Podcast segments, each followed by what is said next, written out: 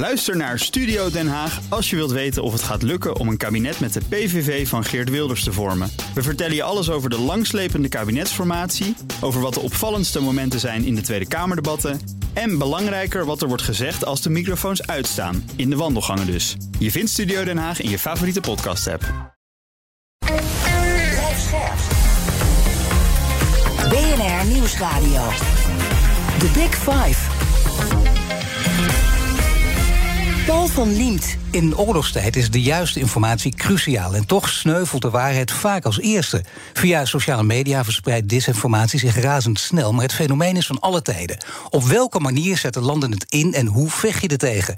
Daarover ga ik in gesprek met vijf kopstukken in BNS Big Five van de informatieoorlog. Vandaag is Pien van der Hoeven bij me. Ze is historicus, mediaspecialist en onlangs verscheen haar boek Spoken over de rol van nepnieuws in oorlogstijd. Welkom. Dank je. Ja, voordat ik met je ga hebben over je boek, eh, eerst even twee dingen in het kort die ik van je wil weten. De eerste is, is de verspreiding van desinformatie, is dat flink toegenomen door sociale media? Nou, dat is in ieder geval wat we allemaal denken. Uh, wat de stemming is. En dat is ook van, vanuit, dat, uh, uh, vanuit die stemming ben ik ook dit boek gaan schrijven. Omdat ik als mediahistoricus weet dat um, nou ja, bedrog zeker in tijden van oorlog van alle tijden is. En ik denk wel dat je door, so door, door de sociale media zie je wel een versnelling in, in ieder opzicht. Maar er zit een versnelling in onze geschiedenis, de technologische versnelling. Hè. Ja. En dus je ziet daardoor wel de, een toename, een kwantitatieve toename. Maar als invloed op, dat, uh, uh, op die oorlogen, dus op het beleid van regeringen, daar waag ik te betwijfelen of daar de invloed van desinformatie is, is toegenomen. Al die spindokters door de jaren heen, maar je komt straks ook denk ik met voorbeelden uit een nog ja. verder verleden, waar inderdaad bleek dat precies hetzelfde fenomeen al heel lang speelt. Absoluut, absoluut. Ik, heb, ik bedoel, Spaanse burgeroorlog, Paul. Er is een oh, hele ja. veldslag verzonnen. Ja. Een hele veldslag. Nou ja, daar kom je vandaag niet mee weg, want dan, nee. daar willen we dan beeld van zien. Nee. Maar in, in, in, in, in, in 37 kon dat in de kranten komen zonder dat daar bewijsbeeld bij kwam. Dus op een bepaalde manier zijn de, is dus die nieuwe technologie ook um, uh, juist zorgt voor een grotere verificatie en voor uh, uh, dus juist voor minder bedrog. Dus, de, de, ja. he, dus het is, dat is de andere kant van het verhaal. En dan nog een Wat we misschien, vergeten. Ja, nee, dat is heel goed dat je die even meldt. Ja. En straks komen er echt zeker meer voorbeelden. En dan de tweede. Ja, je zit er zo bovenop. Als mediahistoricus heb er veel over geschreven. Er is ook nog een boek over de ontstaansgeschiedenis van, van NRC geschreven natuurlijk. NRC Handelsblad toen. Uh, kun je nog zonder wantrouwen het nieuws volgen? Nou, maar je hebt nooit zonder wantrouwen het nieuws kunnen volgen. Dat, dat, dat is. Uh, kijk, wat, wat er nu aan de hand is, is dat het publiek wantrouwig is. En dat is het grote verschil. Maar de mate waarin dat publiek door in de nieuwsvoorziening bij de neus wordt genomen, dat, die, die, is, die is niet zo anders. Dus het gaat echt om het gevoel van onveiligheid, van uh, uh, de onzekerheid die er is bij nieuwsconsumenten, die is heel opvallend. Maar um, uh, daar spelen kwaliteitsmedia ook op in. Want het factchecken is een hoos. Ja. Dus eigenlijk uh, worden we misschien wel beter geïnformeerd. Maar dat is niet de stemming. Maar datzelfde met criminaliteit, toch? Dan heb je toch heel vaak dat iedereen denkt dat de, dat, dat, dat de wereld steeds maar crimineler wordt. En dan komen er weer cijfers waarin we zien dat de criminaliteit af neemt. Dus die, wil, is, die wil je dan bijna niet geloven. Dus het is, een, het is een, een, perceptie. En dat is natuurlijk wel heel belangrijk.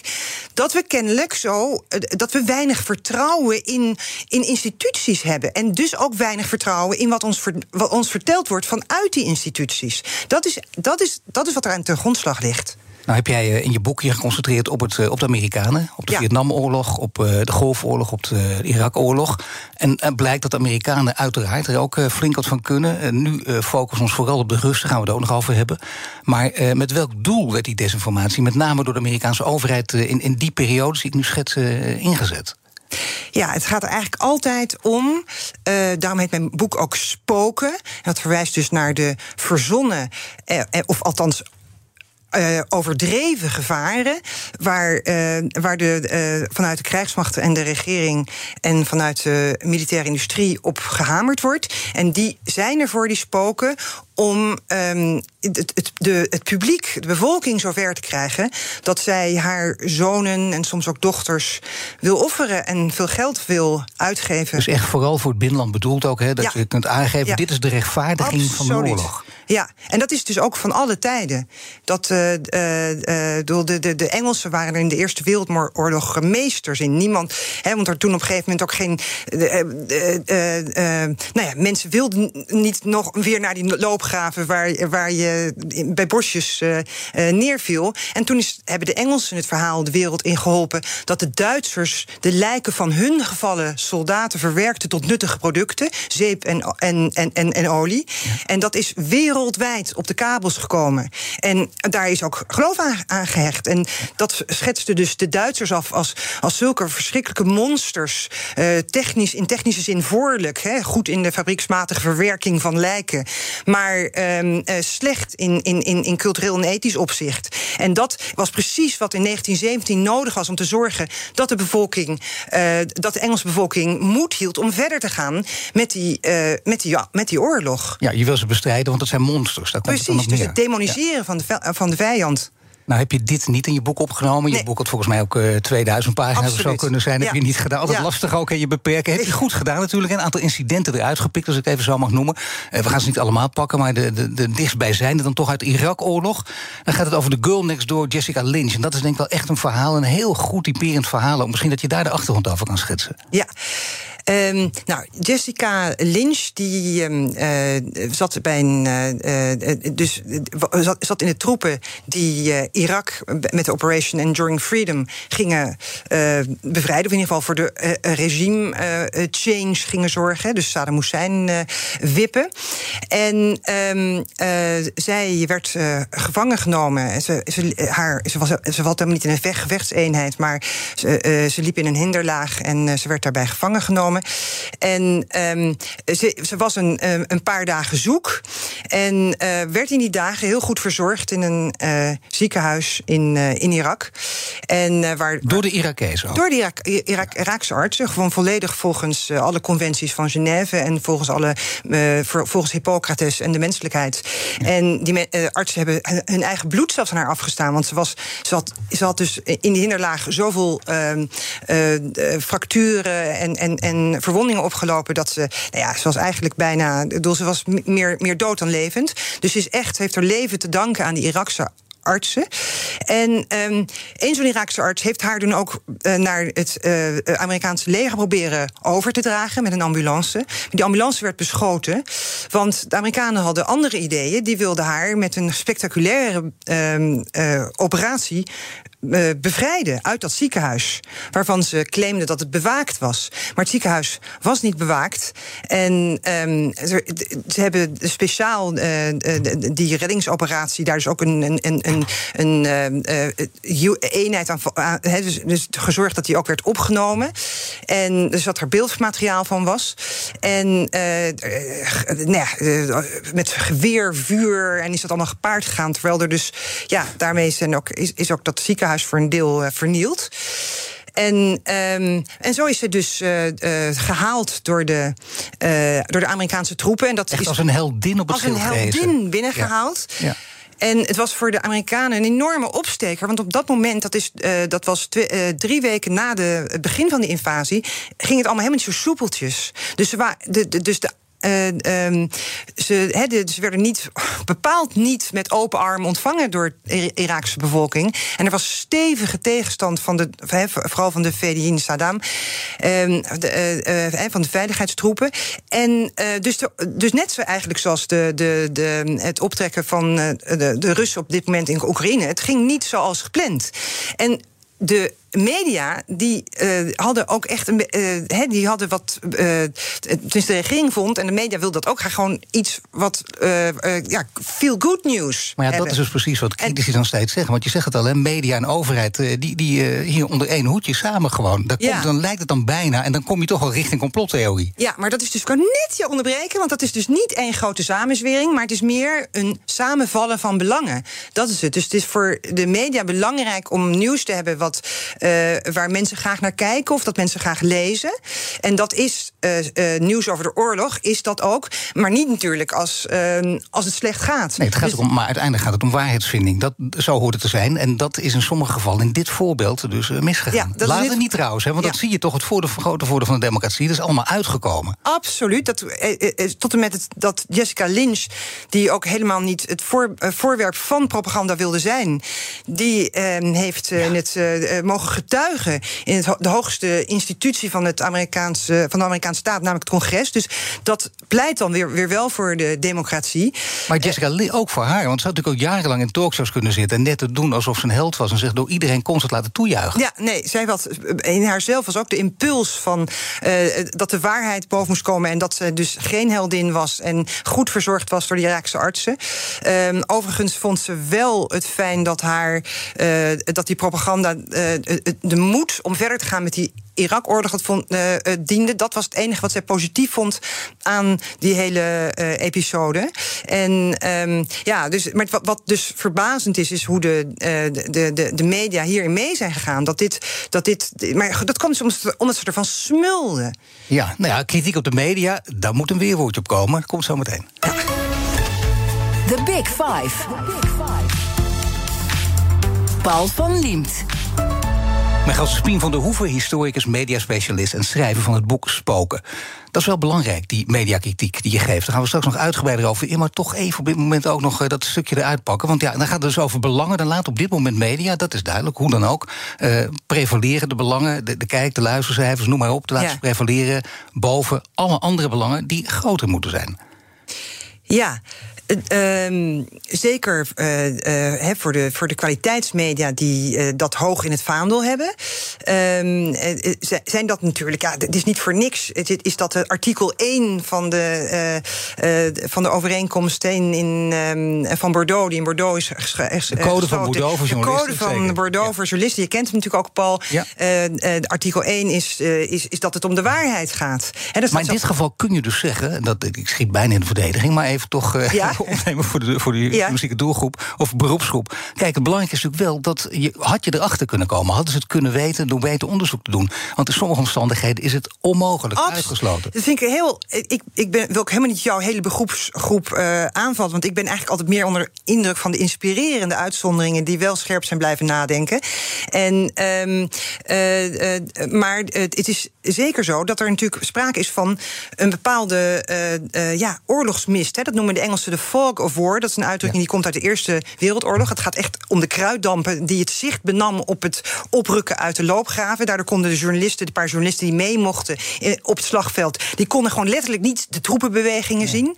En daar komt dus de uitdrukking fog of war eh, vandaan. Maar dat is een metafoor geworden voor de situatie waar we in, waarin we zitten. Want we, we weten vaak ook niet hoe het er echt voor staat. Het is voor een deel giswerk. En daar, dat kan je natuurlijk. Ehm, eh, kranten, eh, ehm, televisie, alles nooit me- eh, journalisten niet kwalijk En dat krijg je nemen. nu in Rusland natuurlijk ook. Maar- dan zie je beelden van Poetin en dan kun je bijna zeggen... ja, je ziet aan zijn gezicht dat. Dat kan natuurlijk niet, dat Nee, weet je niet. Die nee, zit er ook niet bij, zit er niet dicht tegenaan. Maar in mijn, als je mijn boek leest, dan zul je toch in die drie oorlogen die ik daarin behandel, zijn het. Zijn de, de- is in, in al die drie gevallen kun je niet anders dan de conclusie trekken dat met beter onderzoek Zeker. die spoken wel hadden kunnen worden weggejaagd. En dat dat nepnieuws wel had kunnen ontzenu- worden ontzenuwd. Want het gaat altijd om anonieme bronnen.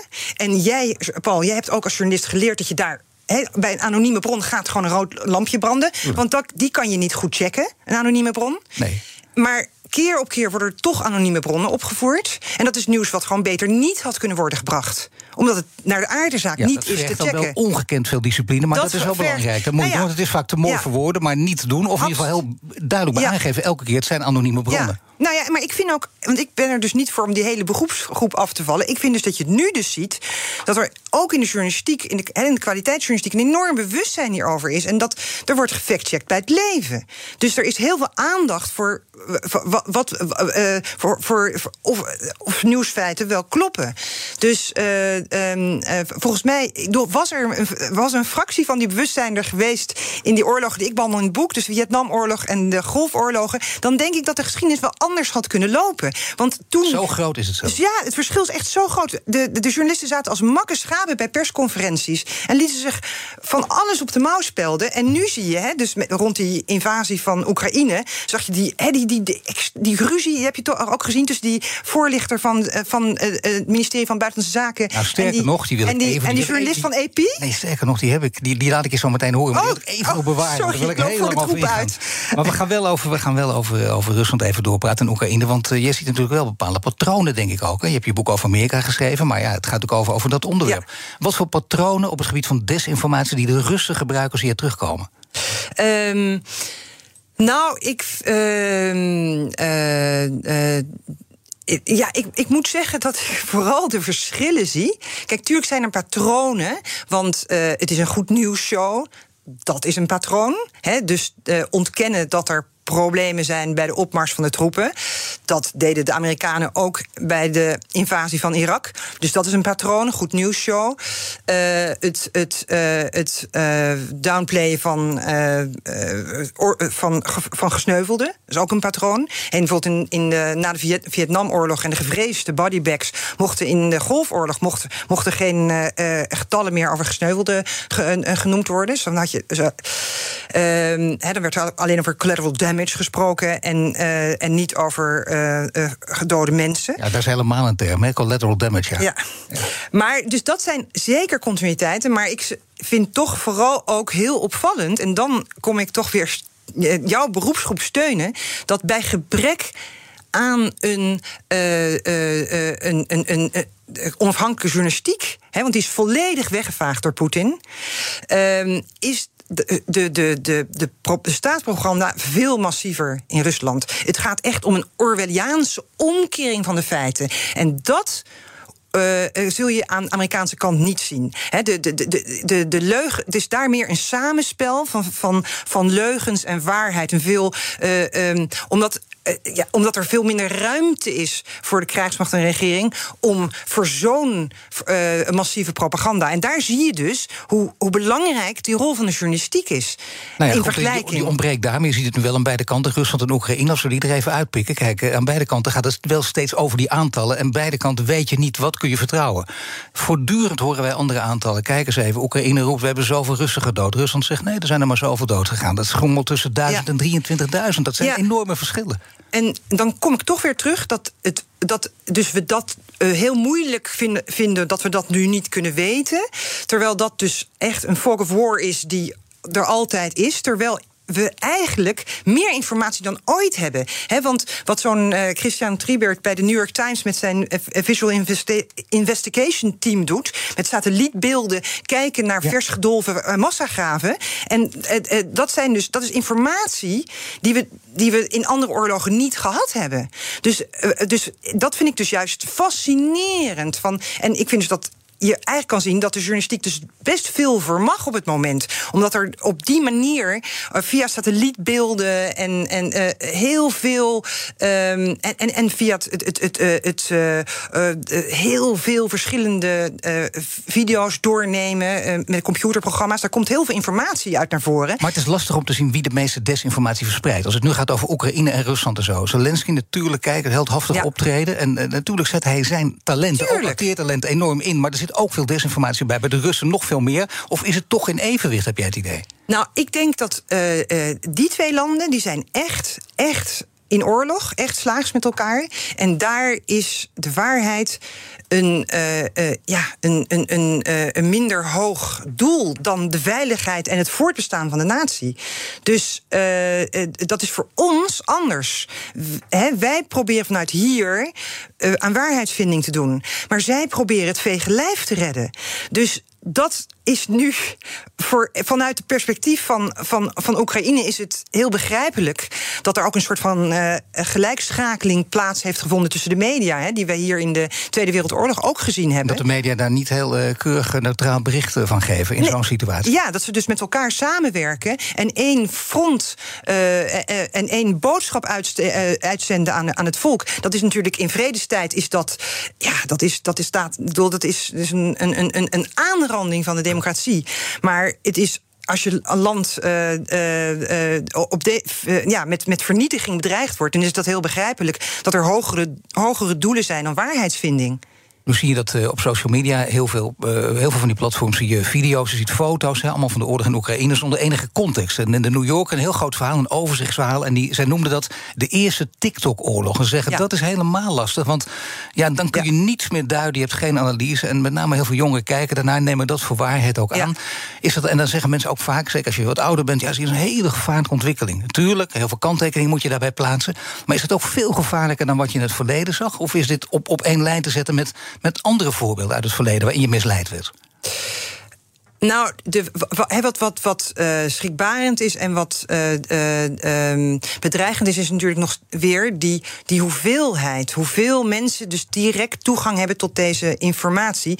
En vroeger was dat, was dat natuurlijk veel gecontroleerder. Ehm, en, ehm, en nu ja, heeft letterlijk iedereen, ook alle jongeren, hebben dus toegang tot deze informatie. dus dat is wel een hele directe directe invloed en een directe. Uh, ja, dat kan dus leiden tot een directe mobilisatie van die troepen. Uh, van die groepen, sorry, niet troepen. Ja, nee. uh, dus dat is inderdaad wel bedreigend. Ehm, maar welke effecten dat dan op de oorlogvoering zelf heeft, dat heb je daar. Uh, die impact is niet groter. Maar met video's en foto's kun je toch alles doen? De totale manipulatie, juist als ja. er geen context nou, bij is. Nou, daar ben ik dus niet. Hier moet ik dan toch. Want kijk, wat nou, mensen. Vooruit. vooruit. Nou, kijk, want die, uh, de communicatietechnologie is, um, uh, is weer. Is, die, die, die innoveert. Dat heeft goede kanten voor de journalistiek en het heeft slechte kanten voor de journalistiek. Mensen associëren sociale media en, en, en, en, en wat, wat de uitingsvorm is van deze uh, uh, technologie als uh, met, met bedrog. Maar tegelijkertijd is, biedt het ook meer mogelijkheden tot verificatie. Want jij zegt steeds van al die video's dat zonder context en je kan het niet, je kan niet bewijzen of je kan er, het kan alles betekenen.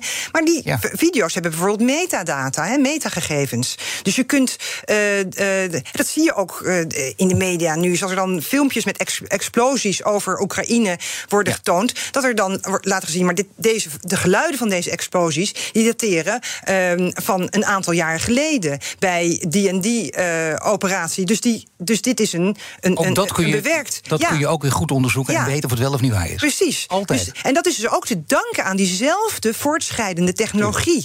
En nog, ja, wat mensen ook wel eens vergeten, die sociale media die zijn binnengehaald als uh, de, de, de, de hè, als, Arabische lente, dat vonden we ja, geweldig. Ik Ja. bedoel, als, als de, de, de, de, de, nou ja, de, de redders van, van, van, van de wereld. Eh, De, ieder, iedere bevolking was voortaan in staat om het juk van de dictatuur af te werpen. Met Facebook, met, met Twitter. We hebben de Twitter-revolutie gehad, we hebben de Facebook-revolutie gehad in, hè, in, in, in, in het Midden-Oosten.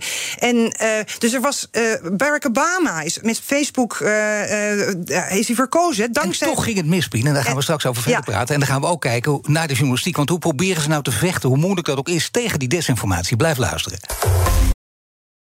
Ook Bas van Werven vind je in de BNR-app. Ja, je kunt live naar mij en Iwan luisteren tijdens de ochtendspits. Je krijgt een melding van Breaking News. En niet alleen onze podcast Ochtendnieuws, maar alle BNR-podcasts vind je in de app. Download nu de gratis BNR-app en blijf scherp.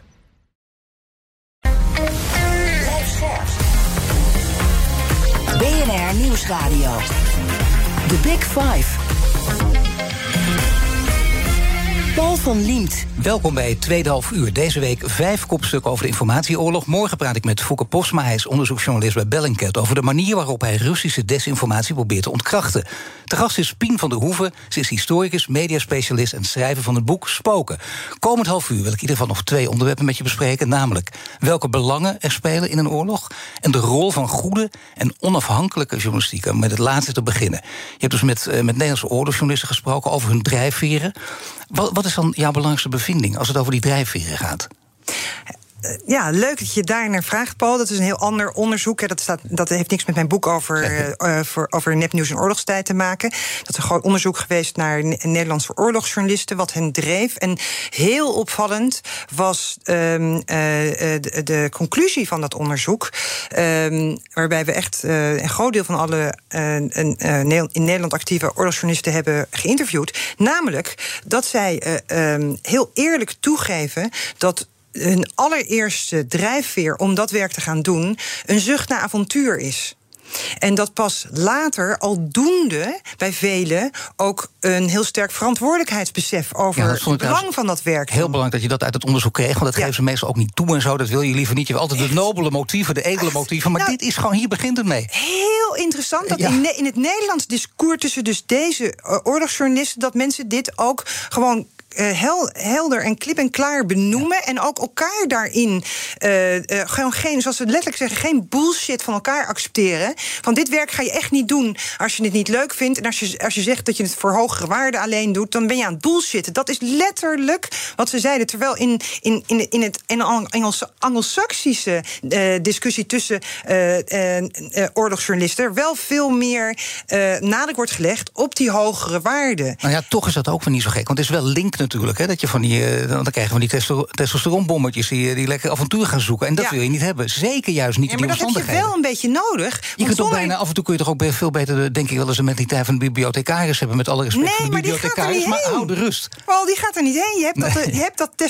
testosteron nodig om uh, om, om, om, om de, de moed te hebben om daarheen te gaan. Om, om, je, om je leven in, het in een waagschaal te zetten. Dat is, dat is daar, dat er zijn ook, er, daar zijn ook uh, um, uh, onderzoeken gedaan, dus door, door een psychiater, waar echt op het, op, op het niveau van fysieke, fysiologisch onderzoek, waaruit blijkt dat onderzoeken ook een hoger niveau hebben van een bepaald enzym. Dat zorgt voor, um, nou ja, het, het, het uh, adrenaline aanmaakt. Dat vond ik nou ook zo interessant. Want dan krijg je, dat snap ik ook, hè, dat je, je hebt waarschijnlijk gelijk... dat, dat even, als je bibliothecaris mentaliteit hebt, dat ja. je iets anders wil. Ja. Maar toch, uh, met dit enzym, dan kom je terug... en dan heb je, normaal gesproken, kun je dan zeggen... nou, dan, dan krijg je een, een psychiater die met je in gesprek gaat... maar daar ben je dan weer vanwege dat enzym misschien ook te stoer voor. Ik ken ook meerdere uh, gevallen, zou ik bijna zeggen... die echt een prooi zijn gevallen aan die stoerheid... en, en dus niet met een psychiater hebben gesproken. Um, ja, dat is wel tegenwoordig wordt dat wel vanuit nieuwsorganisaties allemaal Zeker. aangeboden. Want het is wel, ja, uh, die traumaverwerking want, uh, is belangrijk. journalisten lopen even groot risico als, um, de, als andere als beroepsgroepen als politiemensen om een posttraumatisch stresssyndroom ja. op te lopen. Dus daar is wel echt veel aandacht voor.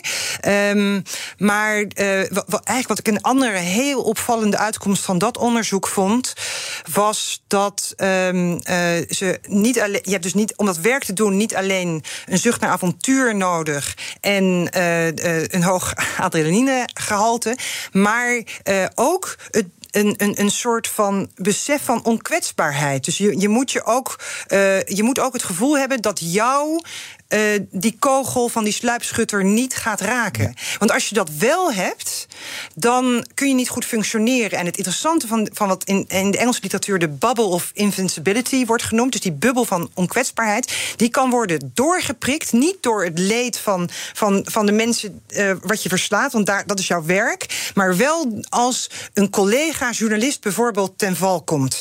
En um, uh, bijvoorbeeld de dood van Jeroen Oerlemans door een ja. sluipschutter in, uh, in Libië heeft voor collega's hier. Um, uh, nou ja, er zijn, zijn collega's die daardoor het werk niet meer wilden doen. Dan is er nog een belangrijk punt. Namelijk, journalisten moeten informatie van desinformatie kunnen scheiden. We hadden het er al over hoe lastig dat is in, in tijd van oorlog.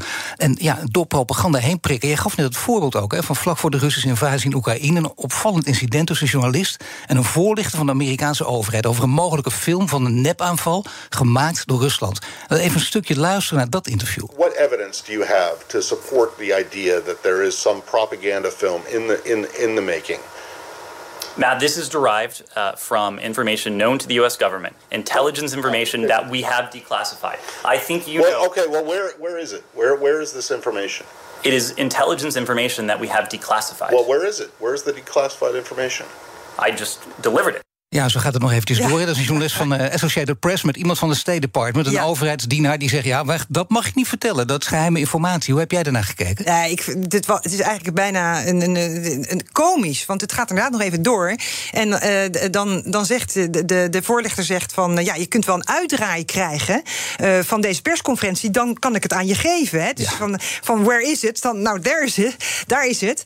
maar dat is natuurlijk helemaal niet wat deze journalist bedoelt en waar hij terecht op wijst. Hij wil die informatie uh, kunnen verifiëren. Dus hij wil de uh, werkelijke informatie niet, zoals hij zegt, that's just you telling me. En dat is in de journalistiek is dat niet een bron, een voorligger die gewoon die op, je, op zijn blauwe ogen moet geloven. Maar wat ik dus ontzettend opvallend vond, was dat deze ruzie, ehm, die iedereen, je kunt allemaal dat filmpje opzoeken, want die filmpjes worden opgenomen en, en bewaard bij, door C-SPAN. Dat is een ja. nou ja, de bedrijf die dat doet in Amerika. is een prachtige bron met, met alle persconferenties van de afgelopen jaren. En dan kan je dus ook de persconferenties zien. Uh, bijvoorbeeld uh, van de Irak-oorlog. En daar, dan zitten ze dus echt als een stelletje makke schapen te luisteren naar exact hetzelfde, namelijk inlichtingen die zijn gedeclassificeerd. Um, en die hen worden verteld zonder dat er bewijs wordt nee, maar toch zullen inlichtingendiensten zeggen... wij zijn hier voor niks geheime inlichtingendiensten... dus sommige informatie kunnen we ook niet prijsgeven. Wij zijn niet 100% transparant, dat kan niet. Dat is ook zo. En daarom zijn inlichtingen ook een beruchte bron van misleiding. Ik bedoel, we weten allemaal dat de Irak-oorlog is, bego is, begonnen...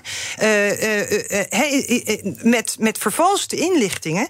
Dat, dat waren niet eens vervalste inlichtingen... dat waren volledig verzonnen inlichtingen. Maar de Vietnamoorlog is geëscaleerd met vervalste inlichtingen. Dus inlichtingen die anders zijn gedateerd. Hè, dus dat is een vervalsing. Maar de Irak-oorlog die is begonnen met verzonnen inlichtingen... die niet eens kwamen van de ouderwetse inlichtingendiensten. Waardoor de geschiedenis dus een andere keer had kunnen krijgen... als Absoluut. je daar doorheen had kunnen prikken. Dat als je daar, ja, die, dat waren gewoon door, door de, de mensen die een appeltje te schillen hadden met Saddam Hussein... die betaald werden, werden door de Amerikaanse overheid...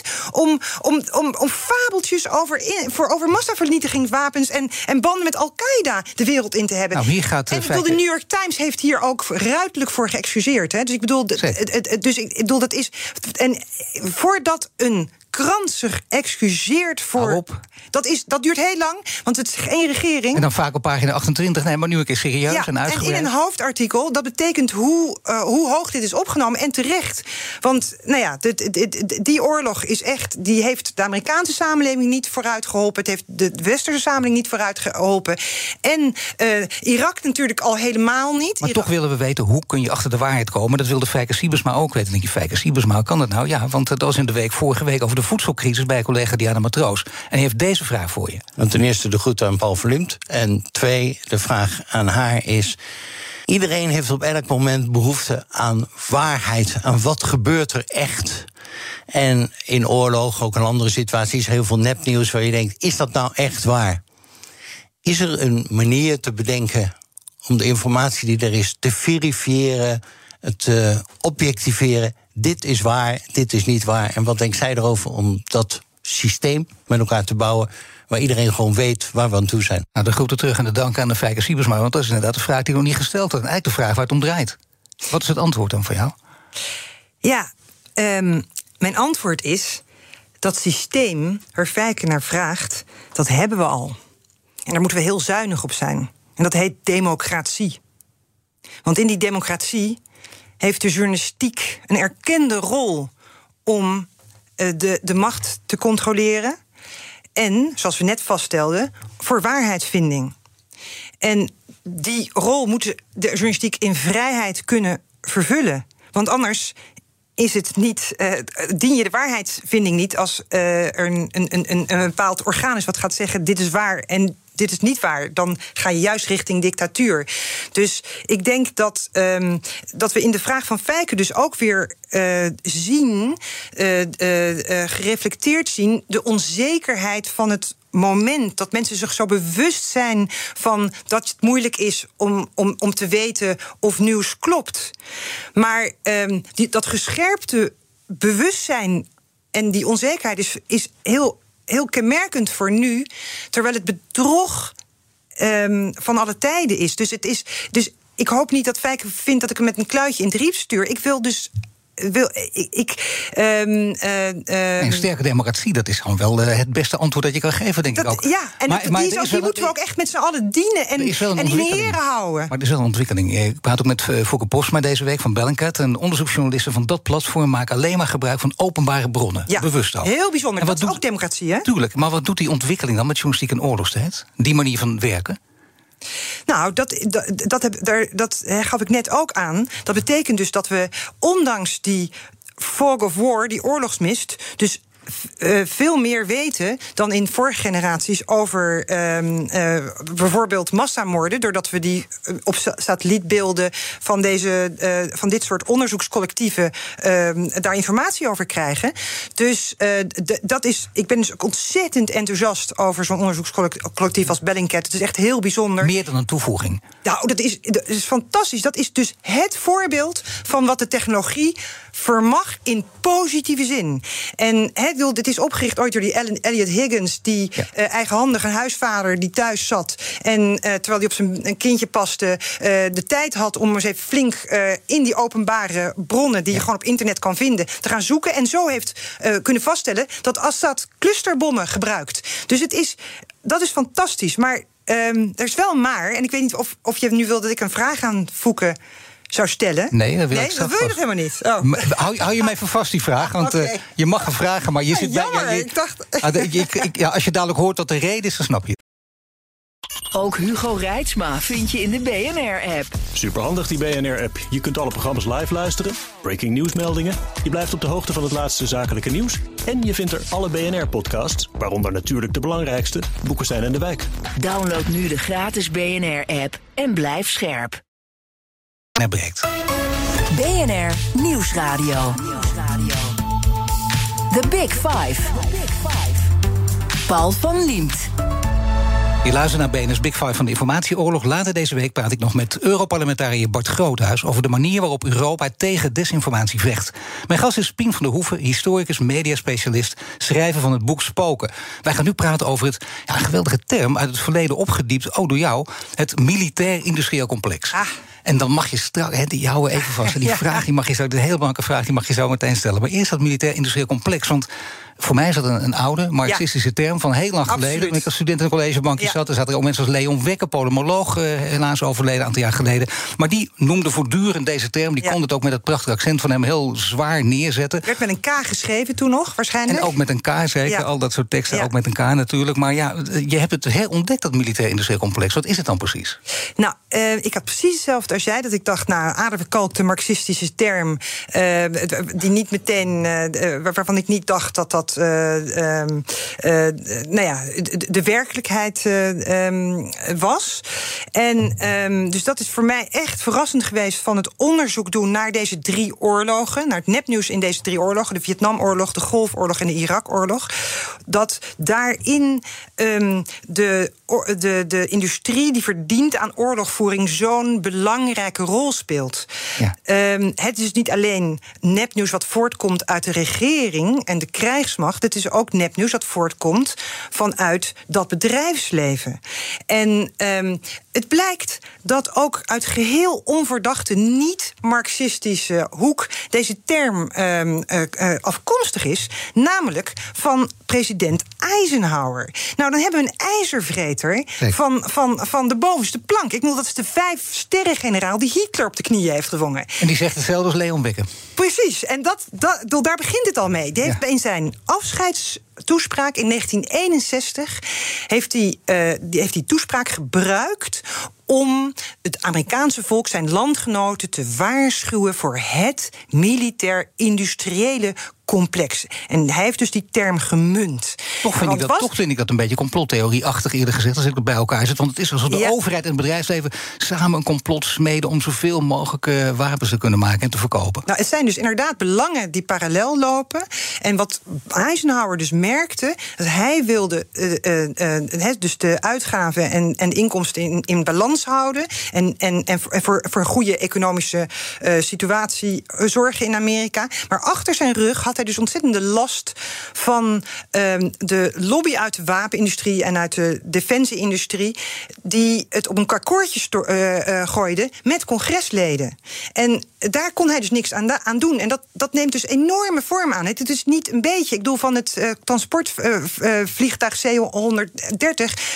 zijn er vanuit het Pentagon vijf besteld op een gegeven moment. Dat is in de jaren, nou ja, ergens jaren eind jaren 80, begin jaren 90. En daar zijn er door het congres met zogenaamde add-ons, dus wetgeving, 256 van gemaakt. Ja? Dus, dus de krijgsmacht zegt: we hebben vijf transportvliegtuigen nodig. En het congres zegt: maak er maar 256 van. Ja. En dat is dus de, dat is echt. Nee, dat voorbeeld begrijp ik ook, ja. natuurlijk. Dat is wel Amerika, wel in die tijd. Ja, als je nu nou, kijkt, reken maar naar dat we in Nederland hier ook last van hebben. Ja, in Europa ook. Want in Europa ook. Oh ja, maar als ik dan kijk naar bijvoorbeeld de NAVO-normen... Trump waarschuwde ons er al voor en dat gaat nu maar door... moeten wij als Amerika alles voor jullie opknappen... want jullie blijven dik onder die NAVO-normen. Nou, je betaalt gewoon niet genoeg. EU is, is, op dit moment de, de, de, uit, militaire uitgaven aan het opschroeven. En daar is hij, maar ook... heeft heel lang dus heel weinig, veel te weinig bijgedragen. Maar nu, ja, het is maar wat je te weinig noemt. Er is onder, onder de normen is afgesproken binnen de NAVO. Ja, maar nu wordt er dus bijgeschroefd. Is er een, een, ook een groep benoemd, de Group of Personalities on Defense Research. Die gaat bedenken waar dat geld dan aan moet worden uitgegeven. Maar ja, deze, uit deze groep komt het merendeel ook weer uit bedrijven. Leonardo, Airbus. En dat zijn dus ook. Dus die gaan dan in kaart brengen de situatie in verschillende regio's in de wereld. Um, waar uh, uh, dus het nodige voor is om ons te, tegen te bewapenen. Maar zij, dat is dus een, een, een, tegelijkertijd een markt creëren voor hun eigen producten. En dat is heel, dat is heel bezwarend. Nee, natuurlijk. Maar dat is meer, denk ik, een, een algemene kritiek op, uh, op het lobbycircuit. Als lobbyisten te vechten, dan moet je heel scherp in andere sectoren ook. Natuurlijk. Maar ik bedoel, uh, je hebt dan natuurlijk ook de militairen zelf of defensie... die daar heel kritisch op kunnen zijn. Ja. En die in deze tijd Gelukkig. toch... Maar in deze tijd toch ook, ook logisch dat ze, met name in Europa... of niet, dat ze aan die NAVO-norm moeten voldoen. Eén. En twee, dat er ook een situatie is die, die, die schreeuwt om wapens.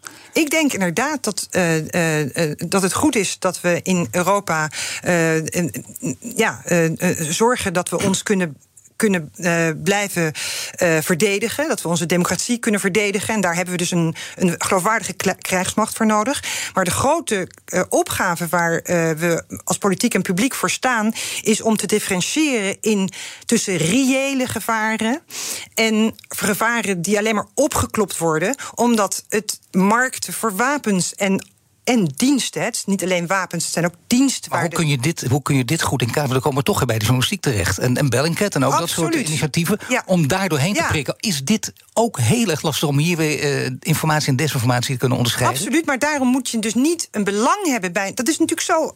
Dit is zo, het is zo duidelijk. Je moet dus geen belang hebben bij een bepaald advies. Dat is ook. Uh, dus, dus als je een, een, een groep benoemt van mensen die in kaart gaat brengen waar, uh, waar, waar defensiegeld in Europa, Europees verband aan besteed moet worden, dan moet je zorgen dat die mensen niet zelf daar een, een belang bij hebben. laat ik een voorbeeldje noemen. Ik praat bijvoorbeeld met een, ik noem maar wat, met een commandant de strijdkrachten. En die heeft ja. natuurlijk ook een belang. En die vindt ook deze tijd. En die wil ook dat meer geld naar defensie moet. Maar ja, die heeft ook heel veel kijk op. Die kan ook heel goede informatie verschaffen. Daar moet je dan heel kritisch ja. op naar luisteren. Maar ja, dat is dan een, een logisch. Want ik kan wel ja, iemand zonder nee, maar... belang spreken, maar die weet dan weer te weinig. Nee, maar Paul, dat vind ik dus. Ik bedoel echt een financieel belang. Dus net dus dat je, uh, uh, dat je, dat je, geen, dat je niet werkt of geen aandelen hebt in die industrie die profiteert van, uh, van de opdracht. Dat is wat ik bedoel. Maar dan is dat natuurlijk heel makkelijk weer. Want je zegt het is lastig, maar dan is dat voor journalisten toch vrij makkelijk. Want dat is allemaal informatie die je boven water kunt krijgen. Desnoods duurt het heel lang met, met, met, met, met wet openbaar bestuur. Soms duurt dat inderdaad veel te lang. Maar je kunt die informatie altijd opdiepen. Of is dat Absoluut. toch heel lastig? Nee, maar bijvoorbeeld wie welke wapens produceert, is heel, daar zijn fantastische sites voor. Dus dat is inderdaad ook zo. En, en eh, eh, nou ja, goede journalisten die zijn ook uh, um, daarvan op de hoogte. Nou ja, het mooie is ook dat jij zegt, uh, die goede journalisten die daarvan op de hoogte zijn, die hadden dus geschiedenis een andere keer kunnen geven. Ik vind dat echt eigenlijk een hele grote, stevige uitspraak. Je hebt in je boek ook een paar voorbeelden gegeven waarin het duidelijk is dat het zo is. Eigenlijk in al die voorbeelden van jou is het duidelijk. Je hebt er drie gepakt. Stel ja. dat je er honderd had gepakt, had je dan honderd keer kunnen zeggen: de geschiedenis had een andere wending gekregen als de journalistiek uh, zijn werk beter had gedaan? Um, nou ja, ik ben genoeg historicus om uh, pas na uh, heel goed onderzoek, wat ik in deze drie casus heb gedaan, uh, de conclusie te trekken. Dus ik zal, he, dus ik ga niet zeggen dat dat dat in alle honderd gevallen ook het geval is. Ik vind het is inderdaad, als ik mijn boek ook weer nalees en denk, het is onontkoombaar. Ik vind het niet eens leuk om die conclusie te trekken. Nee. Uh, maar het is echt zo. En um, ja. Uh, uh, uh, kan, daar kan ik even niet meer van maken. Nou, dat kun je wel. Daar mag je ook een vraag gaan stellen. Ah. Want daar hebben we het eigenlijk steeds ja. over. Dat is een beetje een soort rode draad in deze uitzending. Ja, Mijn gasten stellen elkaar vragen via de kettingvraag. En jij mag een korte bondige vraag stellen aan de volgende gast. En dat is Fouke Posma, onderzoeksjournalist van Bellingcat. En wat zou je hem willen vragen? Nou, Fouke, um, ik eh, ben een fan van uh, het collectief waar je werkt, Bellingcat. Uh, we hebben het er net over gehad. Doet ontzettend belangrijk werk. Maakt nieuws uit openbare bronnen.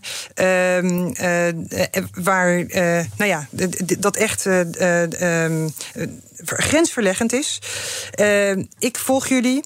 En, um, maar ik, ik denk ook dat, het, dat jullie werk heel erg uh, belangrijk is hè, voor die werking van het systeem waar Fijke Siebesma naar vroeg, de democratie.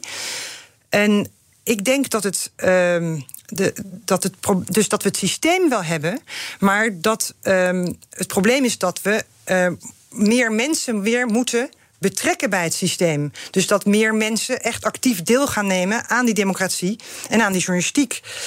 Um, en dat is dus ook mijn vraag. Mijn vraag is: hoe zorgen jullie dat je dus niet alleen Paul en mij bereikt. En die andere mensen die toch al uh, die kwaliteitsmedia lezen of uh, beluisteren. Maar dat je een breder publiek bereikt. En juist dat publiek dat gelooft in de desinformatie die jullie weerleggen. Wat is daarvoor je tactiek? Dat zou ik zo graag willen horen. Ik dank je, Pien van der Hoeven, historicus, mediaspecialist, schrijver van het boek Spoken. Alle afleveringen van BNS Big Five zijn terug te luisteren. Je vindt de podcast in de BNR-app en op bnr.nl. En nu Iwan Verrips met BNR Breed. Dag. Ook Thomas van Zeil vind je in de BNR-app. Je kunt live naar mij luisteren in Zaken doen. De BNR-app met breaking news, het laatste zakelijke nieuws... en je vindt er alle BNR-podcasts, bijvoorbeeld Het Nieuwe Geld. Download nu de gratis BNR-app en blijf scherp.